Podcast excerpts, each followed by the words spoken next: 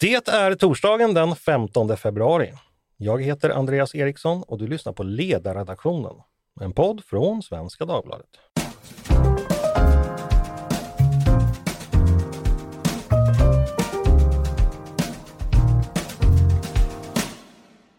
Varmt välkomna till oss igen. Igår presenterade den styrande majoriteten i Stockholm nyheten att man vill säga upp avtalet med staten om Bromma flygplats. Där ska det istället byggas bostäder. 16 000 är det tänkt att det ska bli i det som kommer kallas Bromma parkstad och där ska bygget påbörjas 2038. Det här är ju en nyhet men ändå inte för den som har följt Stockholmspolitiken de senaste decennierna skulle jag säga. Vet att frågan om flygplatsens framtid och en eventuell annan användning av marken varit politiskt het och intressant länge. Flygplatsen behövs inte. Den hindrar stadens expansion och marken kan användas till bättre saker, säger vissa. Flygplatsen behövs visst eftersom den har ett så bra och citynära läge och den kommer behövas ännu mer i framtiden. Så säger andra. Så vad ska man då tänka om detta? Eh, det ska vi fundera på idag och jag hoppas att även ni som inte bor i Stockholm ändå hänger med för jag tror att det blir en intressant diskussion med olika värden och principer som nu även gäller andra platser också.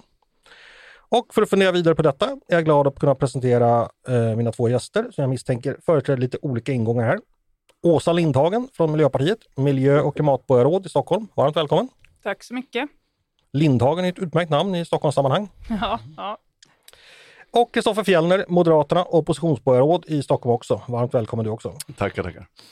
Åsa, du får börja. Vad vill ni i den styrande majoriteten ska hända med Bromma och varför? Ja, vi vill ju att den här marken som ligger mitt inne i Stockholm, eh, i en, i en kommun som har en väldigt stor bostadsbrist, eh, där vi har familjer till och med som kan välja att flytta från eh, kommunen för att man inte hittar en, en bostad när man växer och unga som har svårt att flytta hemifrån, också hemlöshet som finns i vår stad. Det finns ett väldigt stort behov av att bygga fler bostäder i Stockholm och den här marken ligger mitt inne i, i vår kommun och, och vi vill bygga tusentals eh, bostäder och skapa Bromma parkstad, en, en grön och härlig stadsdel med god kollektivtrafik och, och goda möjligheter att leva ett gott liv på den här platsen. Okej, okay, men att det ska byggas bostäder tror jag alla håller med om. Men varför just där? Det finns ju massa andra tomma områden. Det finns Gärdet, det finns eh, Årstaskogen, det finns i Västerort finns det massor med grönområden och sådär. Varför kan man inte bygga där istället? Ja, men nu nämner du också områden som eh, många stockholmare uppskattar otroligt mycket. Vi vet ju att eh, skog och natur och grönområden är något som människorna i den här staden sätter väldigt stort värde på. Eh, och eh, då finns det också en väldigt stor fördel med att, att, bygga på den här marken där flygplatsen ligger så att vi eh, tar den ytan i, i besittning istället för eh, de gröna ytor som också kommer bli allt viktigare i klimatförändringarna när vi ser att vi kommer ha mycket större utmaningar med skyfall, med värmeböljor. Då behöver vi mer grönska i staden för att minska översvämningsrisker och så vidare. Så det här är bra mark att, att bygga på. Okej. Okay. Kristoffer, vad tänker du om de här planerna? Hur för dem? Först tänker jag att det är lite av en icke-nyhet. Att uh, Miljöpartiet tycker illa om Bromma, eller egentligen ärligt talat flyget i sin helhet är ju liksom inte en nyhet. Och det här, man, man, brukar med viss regelbundenhet deklarera stolt och tydligt att nu har vi beslutat att avveckla Bromma. Jag tror de åt tårta var det 2021 utanför Stadshuset senast när man sa att nu, nu har vi bestämt att Bromma ska bort. Men Brommas still standing.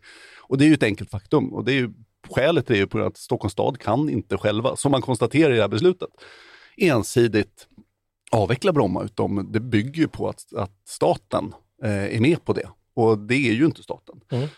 Men, men sen, är ju, sen, sen, är ju nästa fråga då, och det är väl, för, för mig handlar det väldigt mycket, jag tycker att det här är symbolpolitik. Och det är väl därför man gör det här med viss regelbundenhet. Um, för att eh, även om det vore så att, att man bygger bostäder där när avtalet är slut, så, så är det ju om väldigt, väldigt lång tid. Det kommer inte hjälpa, det kommer inte hjälpa undan bostadsbristen här och nu. Jag tror Karin Vangård igår sa att typ 2060 är vi färdiga med att bygga bostäder där och då, då kanske vi kan flytta in i ett äldreboende, och Åsa, i sådana fall. Men, men det, det tycker jag är ett problem och därför tycker jag att det är synd att man fokuserar och lägger resurser, tid och resurser på att planera bostäder på en plats där vi vet, en plats där vi vet att det inte kommer byggas för att hjälpa ja. till nu. Får jag bara fråga där? Ja. Eh, Åsa sa att det här var till för att bygga bostäder, men du menar att Miljöpartiet gör det här för att man tycker illa om flyg? Du köper inte helt enkelt vad Åsa säger?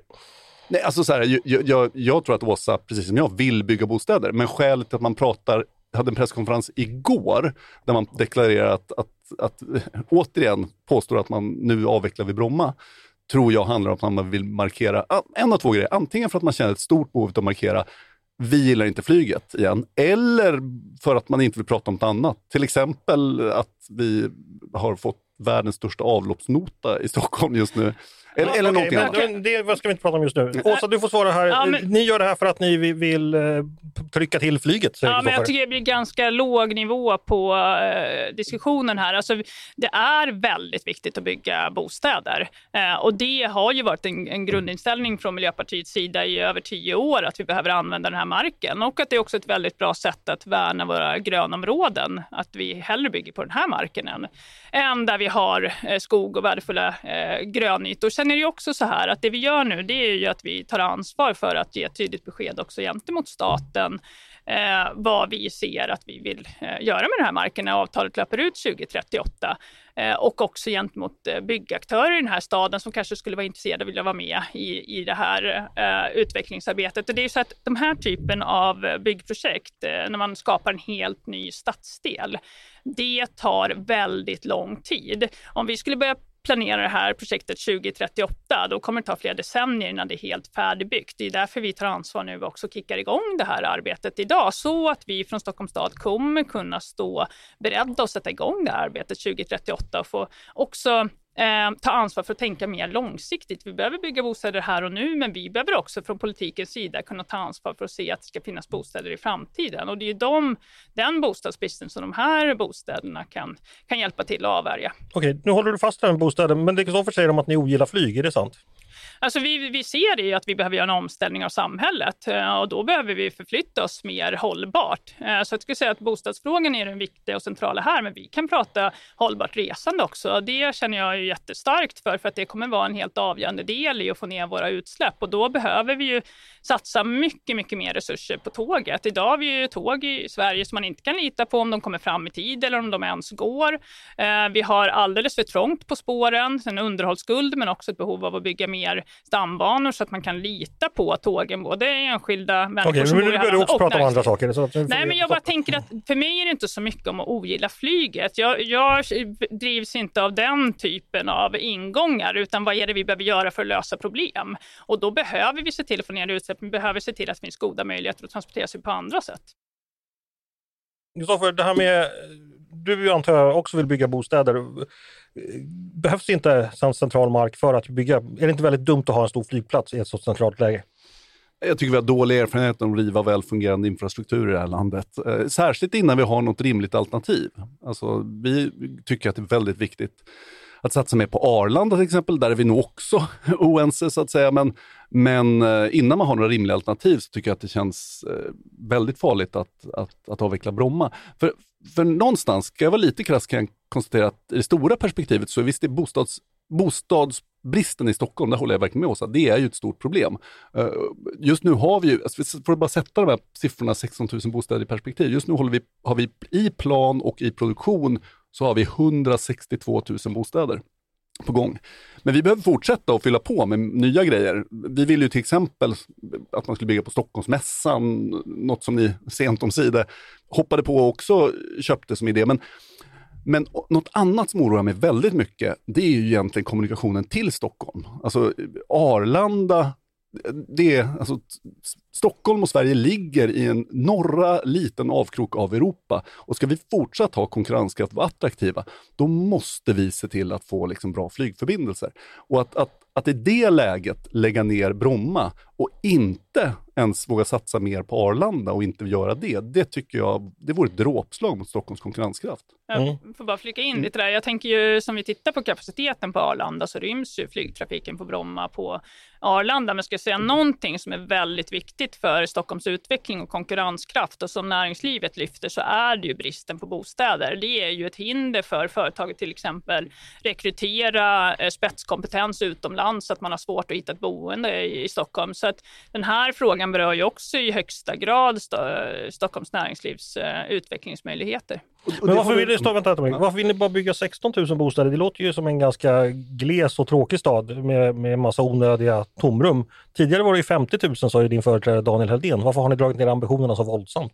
Nej, men vi har ju gått ut tidigt, det var ju över tio år sedan eh, och, och sagt att eh, vi vill se bostäder på den här platsen och haft en, en uppskattning kring det. Sen kommer det ju bero, alltså det, det, finns ju möjlighet att bygga ännu fler eh, bostäder. Eh, det här är ju på själva arrendeområdet. Sen har man ju fler delar runt omkring den här flygplatsen som vi idag inte kan bygga på på grund av att det finns restriktioner där också och där vill vi också bygga bostäder. Eh, och sen så har nu kontoren, alltså Stockholms stads tjänstemannaorganisation kommit tillbaka och gjort den här första bedömningen av hur många bostäder man skulle kunna bygga på själva arrendeområdet. Sen beror det ju på hur stora bostäder man bygger. Är de större så kommer det bli färre och så. Så att vi får se hur det här utvecklas. Men de här bostäderna är såklart oerhört viktiga eh, tillskott i att, att mm. skapa en, en stad där människor kan hitta ett hem.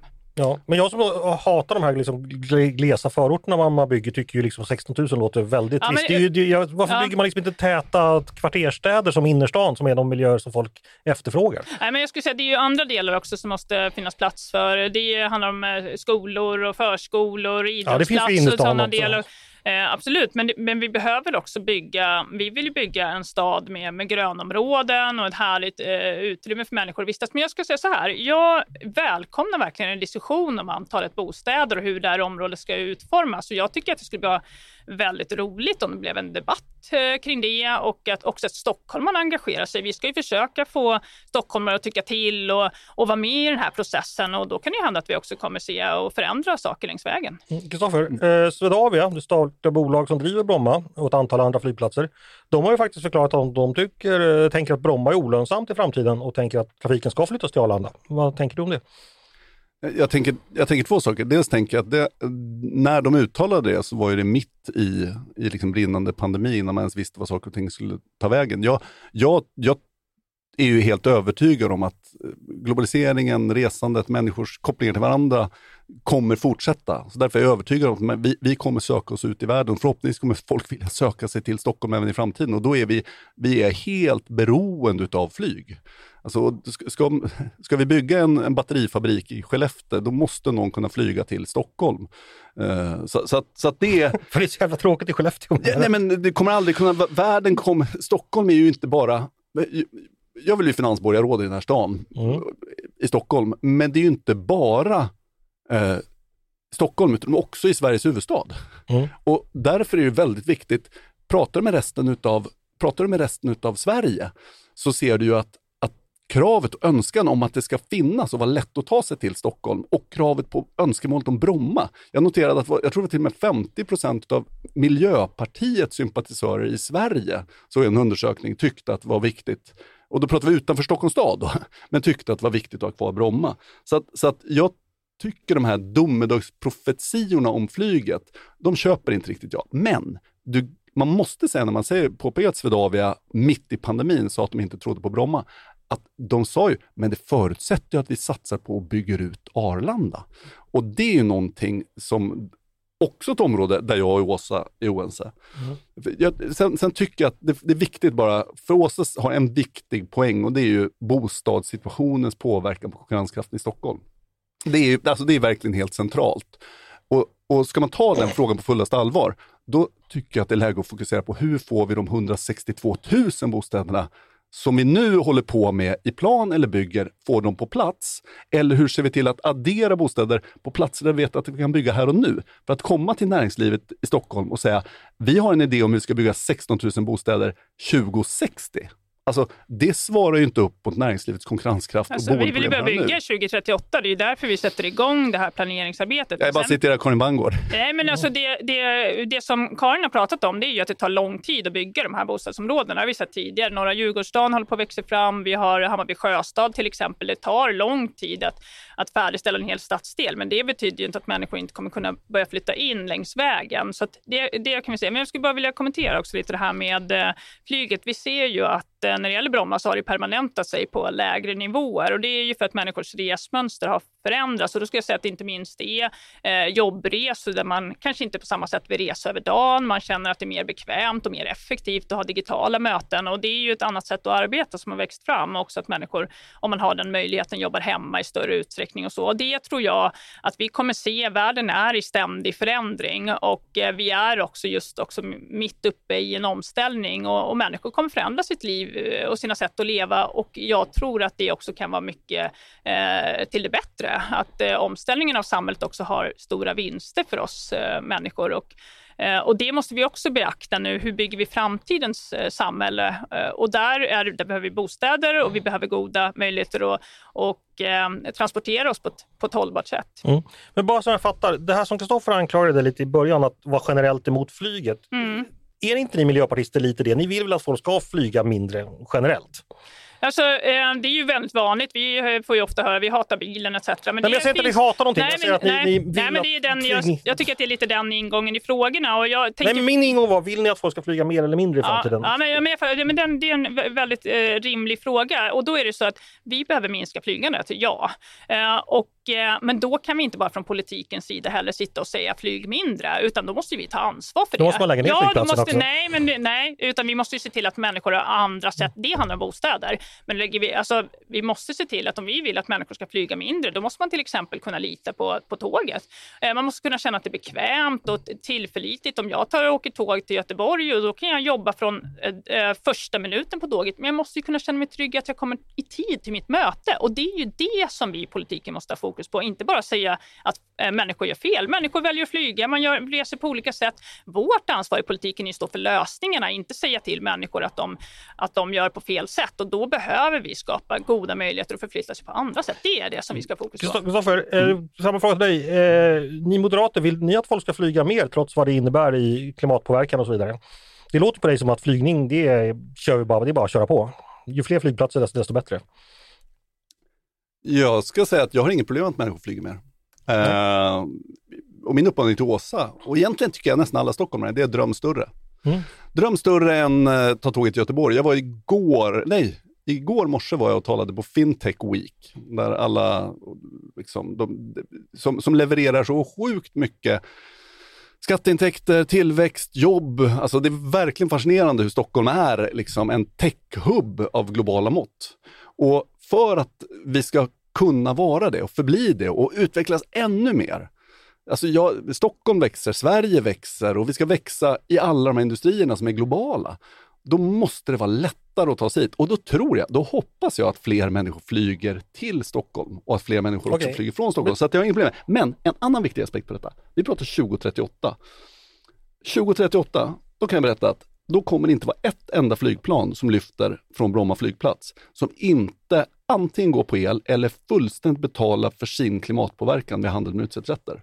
Så, så att själva klimatfrågan, den är otroligt viktig. Men den har man adresserat genom att se till att flyget omfattas av handel med utsläppsrätter fullt ut i hela Europa och hälften av de flygningar som går utanför Europa i och med EUs klimatpaket Fit for 55. Ja, vill du Åsa kommentera det? Att Kristoffer har inga problem med ökat flygande? Nej, men det, eh, det, det tänker jag verkligen abdikera från sitt ansvar i de här frågorna. Att vi, också, vi behöver ju ha fokus på att se hur kan man förflytta sig på, på andra sätt och eh, det är bara att konstatera att flyget har väldigt stora klimatutsläpp. Eh, men, men sen är det så att människor flyger eh, och jag tycker att, att det vi ska ha fokus på är att underlätta för människor att transportera sig på andra sätt och det är där jag tycker politiken alltid ska vara. Mm. Eh, jag bara funderar en grej, det här läget, läget, läget brukar ju mäklarna alltid säga. Bromma ligger ju 6 kilometer från city. Eh, Arlanda ligger fem gånger så långt bort och, och, kommer alltid göra det vad man än gör. Eh, alltså Kastrup, där har man ju en stor flygplats till och med större än Arlanda som ligger 6 kilometer från Rådhusplatsen. Är det inte liksom att, eh, mot bakgrund av vad Kristoffer säger också om att eh, elflyg och framtid, är det inte dumt att bygga igen möjligheten att ha den här citynära, verkligt citynära flygplatsen? Kommer vi inte ångra oss? Nej, det tror inte jag, utan jag tror att det kommer, man kommer upptäcka att det funkar bra. Många människor flyger från Arlanda idag och, och det fungerar. Så att jag menar, det kommer man kunna göra och transportera sig fort till Arlanda kan man göra om man bland annat eh, med buss. Med, ja, det kan, men men det, det är också saker som man eh, kan jobba med att förändra, eh, apropå att göra det enkelt för människor eh, och resa. Men, men det, jag, det jag tänker är att vi har en flygplats, vi har eh, Arlanda, eh, det, går, och det, det går att resa eh, till Stockholm eh, på, på de sätten. Jag tror absolut inte att vi kommer eh, ångra oss, utan jag tror tvärtom att det finns ett, eh, ett stort stöd också hos många i Stockholm för att vi tar ansvar för den här bostadsbristen och att vi fortsätter att bygga och skapa framtidstro och hopp i att Stockholm är en stad i förändring. Och den här marken Eh, den behövs, bostäderna behövs och här vill vi bygga en, en ny grön härlig stadsdel som är, människor kan leva eh, goda liv i med goda transportmöjligheter, tunnelbana med eh, cykelmöjligheter och, och så vidare. Mm. Jag hade haft lättare att ta, så här, politik handlar om målkonflikter. Det är hela kärnan liksom, i politiken. Och det är såklart att det finns målkonflikter här. Jag, det finns liksom inget egenvärde i att så här, det ska vara flyg just på Bromma. Men jag hade lättare att ta det här perspektivet på allvar som Åsa företräder, om hon också i nästan andetag sagt så här, och just därför vill jag göra en rejäl satsning på Arlanda. Um, för att vi verkligen, för, för, för det, det, är ju fantastiskt och bra om det blir lättare att åka tåg liksom och lättare att transportera sig. Ja, men hela den här omställningen som Åsa pratar om, elbilar och bussar och tåg. Alltså, men Stockholms fönster mot världen. Alltså, jag är genuint orolig över att idag är alltså Gardemoen är större än vad Arlanda är i trafik. Vi tappar ju rasande takt. Liksom. Och det är extra skamligt att bli slagen av norrmännen. Ja, men det är väl i dessa skidskytte och skidtider så. Men, men, men det är alltså, det här är ett område där Stockholm verkligen, verkligen halkar efter. Och att i det läget säga att vi ska göra oss av med väl fungerande infrastruktur och, och, flygkapacitet tycker jag, tycker jag är sorgligt. Ja, men vi har, ju, vi har ju Bromma idag och där ser vi ju att eh, flygandet har ju liksom halverats eh, på senare år. Så att, eh, där det är ju så att det redan idag så känner människor att man inte har samma behov av Bromma som man har haft eh, tidigare. Och där tänker jag att vi behöver ju rusta inför för framtiden och det jag pratar om är ju en omställning av resandet och då är det ju klart att jag eh, tycker att vi behöver satsa på tåget och där har vi just nu också en regering som inte skjuter till de mm. resurser som krävs krävs. Vi har många, många miljarder som behövs för underhåll. Vi behöver bygga nya spår mm. eh, och där behöver vi också näringslivet långsiktighet. Nu har vi en väldig ryckighet i att Fast, vi i Åsa, våra planer. Åsa, du kommer ju aldrig ta tåget till London, till Bryssel, till New York, till liksom, alltså till världen och det är väl det som är det stora. Jag har åkt tåg till Bryssel många gånger och jag tror Anständiga tåg... nattåg med bra restaurangvagn skulle jag köra på verkligen. Äh, absolut, men jag kan säga att det blir nog, om, om du kan flyga till resten utav, om, om resten av världen satsar, vilket Kastrup, danskarna, de de är ju bra, alltså, de är livsfarliga. De, de håller på att ta över hela svensk flygkapacitet, så att deras idé är väl utmärkt. Alla får flyga till Kastrup, sen får man ta Åsas tåg upp till Stockholm. Men det är ju det som gör att Sverige och Stockholm blir en avkrok. Okej, vi, vi ska gå vidare. Eh, mycket intressanta åsikter från alla håll här. Mer allmänt fråga, eftersom vi båda då aspirerar på, på att styra framtiden i Stockholm.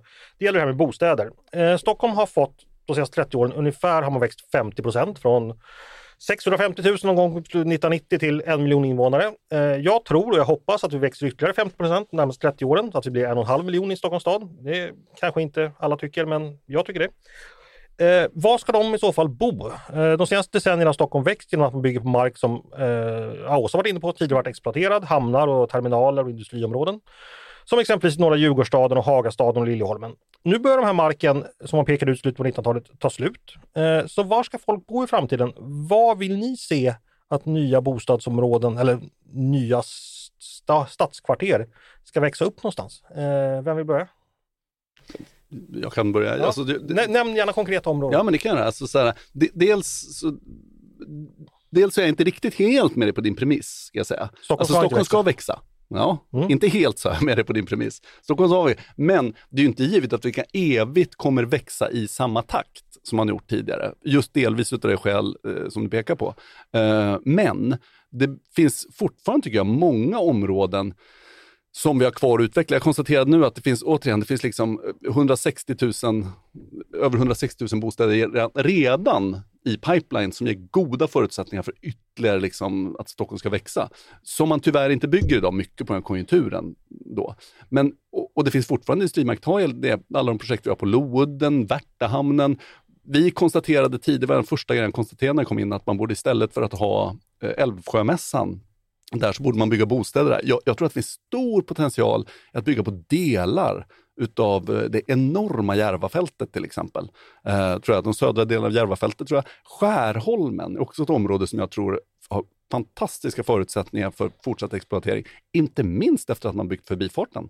Som gör att det tar 35 minuter till Arlanda därifrån. Så det kommer gå snabbare att åka från Skärholmen än från city till Arlanda. Ja, så jag länge vi inte har bilköer. Jag ska bara säga Ja, det att, förbifarten eh, hjälper oss med det. I, I Stockholms kommun så är befolkningstätheten ungefär 5 000 per kvadratkilometer lite drygt. I Paris är den 20 000. Nu kanske man tycker att Paris är en fruktansvärd stad som saknar grönska och mysiga ställen och sådär, men jag tror inte parisarna själva tycker det. Eh, Åsa, var vill du bygga någonstans? Ja, nej men alltså, det, finns, um, det finns fortfarande områden i Stockholm som är hårdgjorda och, och eh, det finns möjligheter att, att hitta uh, delar av staden. Jag tänker att vi behöver liksom finkamma hela staden och se vad, vad är det för områden där vi kan bygga. Och det, det jag tänker är viktigt också för att kunna göra det här på ett bra sätt, det är att vi också har eh, bra koll på våra grönområden. Och det är både för att grönska natur är viktigt för vår hälsa, vi människor, och också för djur och växter i sig, men också för att vi just nu står i en klimatkris där vi kommer få allt större utmaningar med översvämningar som kommer kosta enorma belopp om vi inte minskar och får bort översvämningsrisken så mycket som möjligt. Eh, Så de här grönområdena behövs också för att rusta staden för klimatförändringarna. Så därför behöver vi ha också bättre koll på vilka av de här områdena behöver vi värna, vad ska vi inte bygga? Och det kan ju minst lika viktigt för att veta vad är för områden som är Fråga kvar. Cecilia Obermüller, jag tror hon har koll. Ja, det är absolut. Eh, eh, Men det finns också ett behov av att få en större strategisk blick över hela bostadsbyggandet i Stockholm. Eh, Om vi tittar på den helhetsbilden, vad pågår alla byggprojekt? Hur påverkar det bland annat de gröna sambanden som man brukar prata om som är viktiga för den biologiska mångfalden och för, för att hantera eh, också den, den klimatkris som vi befinner oss i så, så har vi behov av att, få en, ett ännu starkare grepp kring det. Okej, inte så många nya namn på områden. Det var tråkigt, men eh. Skärholmen bygger vi, där finns det mycket. Ytterligare en fråga om ett helt annat ämne innan vi slutar. Eh, på ledarsidan så har Peter Wennblad, min kollega, i veckan skrivit om något det han kallar ett kommunalt katastrofprojekt. Det är hans ord. Eh, som verkar passera med en politisk axelryckning, eh, fortfarande hans ord. Eh, det rör sig om en nyinvestering i Henriksdals reningsverk, det som ligger då på gränsen mellan Stockholm och Nacka. Som inklusive en ny avloppsledning då, som går under halva stan. Eh, det här skulle varit färdigt 2018 det skulle ha kostat 5 miljarder kronor. Nu uppgår slutnotan, tror man, till 23 miljarder och det hela ska vara färdigt 2031 och det är då det kommunala Stockholm Vatten som bygger det här. Kort kommentar från er båda. Eh, låter ni det här passera med en politisk axelryckning som Peter säger eller vad tänker ni om det? Nej, men jag, kan börja, ja, jag kan börja eftersom vi sitter också och, och styr Stockholm. Nej, det gör vi absolut inte. Det, det, alltså, den situation vi befinner oss i, det är klart att det är inte acceptabelt att vi, att vi har eh, haft... Eh, det, alltså bakgrunden till det här projektet är ju att eh, Eh, det beslut arbetades fram under 2013. På mindre än ett år forcerade man fram ett, ett genomförande beslut eh, och hade inte koll på komplexiteten i det här projektet. Så det har ju dykt upp kostnad efter kostnad längs vägen. Eh, förra våren fick vi indikationer på att kostnaderna varit gravt underskattade och, och då har Stockholm Vatten och Avfall fått göra en ordentlig genomlysning av hela projektet. Vi har tagit in en extern utvärderare som har tittat och det är där vi också nu för första gången har siffror på bordet som jag tycker eh, som jag vågar sätta mer tilltro till. Och det är klart att det vi, eh, alltså Stockholms stad ska aldrig mer jobba på det sättet att man forcerar fram ett så här komplext projekt på så kort tid utan att ha en, den planering som krävs. Och det har ju drabbat det här projektet och så ska vi inte jobba. Är den här avloppsledningen värd 23 miljarder spänn? Alltså projektet i sig behövs och det vi var inne just eh, tidigare här på det här med att Stockholm växer. Om vi inte bygger ut kapaciteten i vår avloppsrening, då kommer avloppsreningen inte fungera. Man kommer inte kunna använda sina badrum eller vi kommer behöva släppa ut avloppsvatten rakt ut i vårt, eh, där vi tar vårt dricksvatten. Eh, så att vi behöver göra det här. Vi har en uh, underhållsskuld faktiskt i hela Sverige eh, kring avloppsreningen och i Stockholm ligger vi lite före snittet eh, och har gjort ett, en hel del jobb. Så att själva projektet behövs. Det blir också bättre rening, det är bättre reningsteknik. Eh, Så det är jätte, jätteviktigt för att Stockholm ska fungera. Men det är klart att vi måste ha underlag från första stat som, som visar och har alla kostnader på bordet. Och det har vi inte haft i det här fallet. Kristoffer, vad är din kommentar? Nej, men det här är ju det ka- kanske enskilt största infrastrukturhaveriet i Sveriges historia. Alltså kostnaden för det här nu är ju, är ju större än Slussen. Det är, det är större än, än, äh, än det omskrivna nya Karolinska. Eh, bara fördyringen sen den förra lägesrapporten som kom i juni 2022 är ju i samma nivå som kostnaden för hela bygget av Hallandsåsen, tunneln genom Hallandsåsen. Och det som, men det som jag tycker är allvarligast, nej förlåt, kanske minst lika allvarligt ska jag säga, som, som pengarna i sig, det är att jag tycker att de styrande har mörkat detta. Att Åsa påpekar att man i mars förra året fick indikationer på att man hade gravt underskattat kostnaderna. Ändå gick jag tillbaka och kollade, hur många gånger har man diskuterat detta i det ansvariga bolaget i Stockholm Vatten AB? Noll gånger har man pratat om det här projektet. Det finns inte nämnt ett enda protokoll. I, I moderbolaget, alltså Stockholms stadshus AB, där jag är vice ordförande, har vi diskuterat detta noll gånger. Och, och det här tror jag är en del av sjukdomen i Stockholm i att det, alltså, men är det därför det har blivit så dyrt? Nej, nej, men, ja, men eh, jag tror att detta är en, en delförklaring till det, tror jag är att vi politiker som är ansvariga, och, och, och, jag är alltså personligt ansvarig enligt aktiebolagslagen som sitter i moderbolaget mm. för, för verksamheten. Och 23 miljarder, det är inget billigt ansvarsgenombrott vi pratar om. Nej, om vi, min ansvarsförsäkring skulle kicka in på det här så har vi nog en försäkringskatastrof i Stockholm då.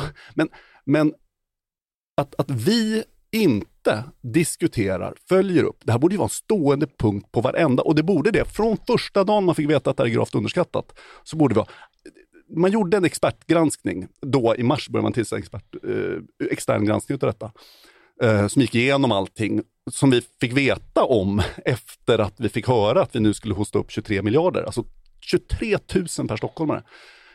I, i det ansvariga bolaget, Stockholm Vatten AB, där togs den, den togs upp till diskussion på sammanträdet efter att man beviljade de nya pengarna. På måndag ska vi rösta om det här i kommunfullmäktige i Stockholm. Och jag vet, jag, jag vet inte, Åsa vet inte, ingen vet ens vilken kostnad vi har nu, än mindre vad det kommer kosta när det är klart. Ja, men jag, jag skulle vilja bryta in där bara. Det är två saker. Eh, jag tänker, dels är det så att den här fördyringen, eh, den har ju inte ägt rum de senaste ett och ett halvt åren. Det som har skett de senaste två åren skulle jag säga, efter eh, kriget i Ukraina, påverkat prisbilden i hela samhället och fördyrat alla infrastrukturprojekt. Eh, det, det är ju en del i kostnadsökningen, men i övrigt det stora problemet här är ju att kostnaderna har funnits, men de har inte funnits i våra underlag. Eh, så att, eh, bara för att ta ett exempel så har man under projektets gång bland annat behövt eh, spränga ut ett helt nytt våningsplan i Henriksdalsberget som inte fanns med i den ursprungliga planen. Man har inte ens räknat med detta, det vill säga all utrustning fanns inte plats, man behövde spränga ut ett nytt våningsplan. Det är väldigt dyrt. Det här är bara ett exempel på hur dåligt projektet har varit planerat från första början. Så, att vi, så kan vi inte jobba. Vi måste, det vi har gjort är bland annat att vi har bestämt att vi kommer aldrig mer i Stockholm köra igång stora komplexa infrastrukturprojekt utan att ha en eh, extern utvärdering innan. Eh, för det, mm, okay. det är jätteallvarligt att siffrorna inte har funnits. Jag förstår. Kristoffer ska snart prata. Jag ska bara ställa en fråga först. Eh, ska inte en VD för ett företag informera sin styrelse om det här? Och för det andra, ska det inte finnas som en punkt på styrelsemötena att man följer upp in investeringsprojekt? Eh, man har väl också som styrelseledamot ett visst ansvar att ta reda på vad som händer i det bolaget man sitter i styrelsen Ja, men det är det andra jag skulle vilja ta upp, eh, för att det, har du ju helt fullständigt eh, rätt i. Och då har ju problemet varit att de här kostnaderna inte har funnits synliggjorda. Det är därför det här jobbet har behövt göras. Ja, så varför har man inte fått information i styrelsen? Därför att det inte har funnits i underlagen. Och nu har ju det här jobbet gjorts. Och vi behöver skärpa vår uppföljning. Det är också ett arbete som görs, absolut. Men det är också så att vi måste ha korrekta underlag. Och då fick ju bolaget gå tillbaka. Nu får ni vända på varandra sten. Vi får de här indikationerna. Vad är det projektet kostar? Och sen tar vi in en extern utvärderare för att verkligen verifiera det. För att inte hamna i en situation igen där vi inte kan lita på ja. siffrorna. Kristoffer, vad säger du om det att informationen bör, börjar ändå nå styrelsen och det är också styrelsens uppdrag eh, att ansvara och hålla sig informerad. Det, det här förtjänar nästan en egen podd, höll jag på att säga. Men, ja, det gör det men, säkert. Men, jag vet inte hur kommunala bolag stöds, men, men i normala fall så tänker man ändå att det här är något som vd bör berätta. Ja, men så här, och, och, hade det här hänt i vilket privat bolag som helst så kan jag meddela dig att, att då hade vd fått gå på dagen och ordförande hade smugit iväg och avgått med svansen mellan benen. Och, och, och det är ju på att aktiebolagslagen är mycket tydlig och den gäller ju även för kommunala bolag. Eh, så att, så att jag tror inte bara detta är är orimligt. Jag tror att det rent av kan varit olagligt på det sätt som det har hanterats. För att, att Åsa har ju rätt i att man behövde spränga ut till exempel ett nytt våningsplan i, i Henriksdalsberget.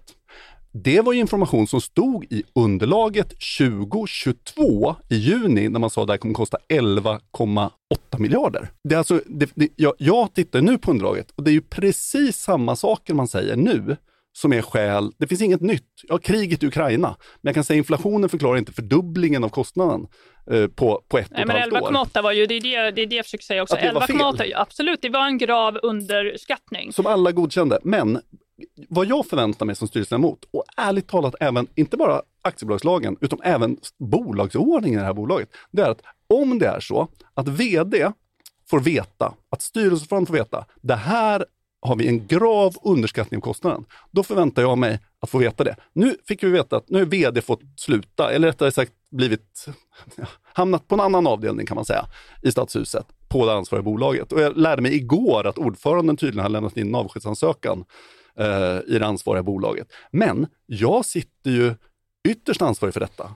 Är ju, det är ju ordföranden i moderbolaget, Karin Vangård, och vd där i, som är statsdirektören i Stockholm. De är ytterst ansvariga för detta. Och att de i mars beställde den här externa granskningen efter att de fick veta att det här var ett område där man gravt, som Åsa säger, gravt underskattat kostnaderna utan att säga ett ord till styrelsen. Det är helt oacceptabelt och jag tror att det är ett, ett problem i Stockholm som gör att inte bara det här projektet har blivit ut, utan återkommande. Man följer inte lagen till punkt och pricka. Okej, Åsa får en sista replik, sen syr vi ihop där.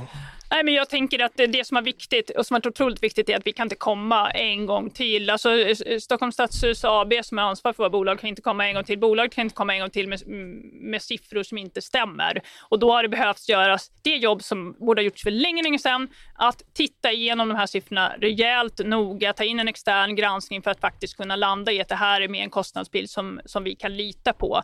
Och där, där har jag större tilltro till att vi är nu. Och det här projektet är viktigt för Stockholm, men vi måste också se till att vi har en god planering från första Forts, start. Fortsättning följer i budget, eller i debatten i fullmäktige på det måndag. det, det, det förtjänar kanske en egen podd här. Eh, sista frågan, 2045 så tar tunnelbanan eh, ut till Bromma. Eh, kan man kunna ta ett flygplan därifrån då? Ja eller nej? Vad säger du? Kristoffer? Fast du kommer nog inte kunna ta tunnelbanan dit, men jag tror att du kommer åka ett elflygplan. Tror jag du kommer göra. Åsa? Nej, det tror jag inte. Men jag kommer inte kunna ta tunnelbanan i alla fall. Du kommer kunna ta tunnelbana och förflytta dig Gula på ett, linjen, eh, Absolut, det Ny måste lila linje. Orange linjen. Hörni, eh, stort tack för att ni gästade mig idag, Åsa Lindhagen och Kristoffer Fjellner. Tusen tack. Tack så mycket. Jag glömde förklara det med att jag sa i början att Lindhagen är ett bra Stockholmsnamn. Det var ju så att, eh, kanske ingen släkting till dig, men Lindhagen var ju en Ja, det är av... hans släkt faktiskt. Men ingift är jag, så att det, Ja. jag ska inte riktigt ta cred för det. Ja, en av vår eh, stads stora eh, stadsbyggare på 1800-talet taget eh, bakom Lindhagenplanen som gjorde att eh, Malmarna ser ut som de gör idag. Och där vill jag också lyfta Anna Lindhagen som var också en del i familjen som jobbade mycket för ensamma kvinnor som hade det väldigt, väldigt tufft i början av förra århundradet. Och kanske får vi snart se en Åsa Lindhagenplan också. Vi får se ifall du fullföljer släktens traditioner. Eh, Stort tack till er och stort tack till er som har lyssnat förstås också på dagens avsnitt av Ledarredaktionen. En podd från Svenska Dagbladet. Som vanligt är ni varmt välkomna och hör av er till oss på redaktionen med tankar och synpunkter på det vi precis diskuterat eller om ni har tankar och förslag på det vi ska ta upp i framtiden. I båda fallen så är det bara att mejla till ledarsidan snabel svd.se. Dagens producent, han heter Jesper Sandström. Själv heter jag Andreas Eriksson och jag hoppas att vi hörs snart igen.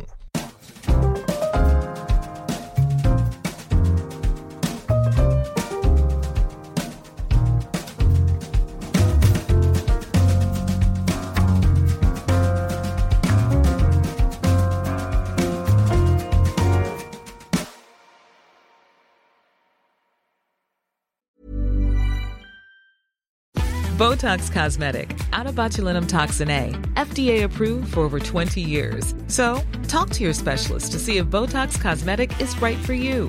For full prescribing information, including boxed warning, visit BotoxCosmetic.com or call 877-351-0300. Remember to ask for Botox Cosmetic by name. To see for yourself and learn more, visit BotoxCosmetic.com. That's BotoxCosmetic.com.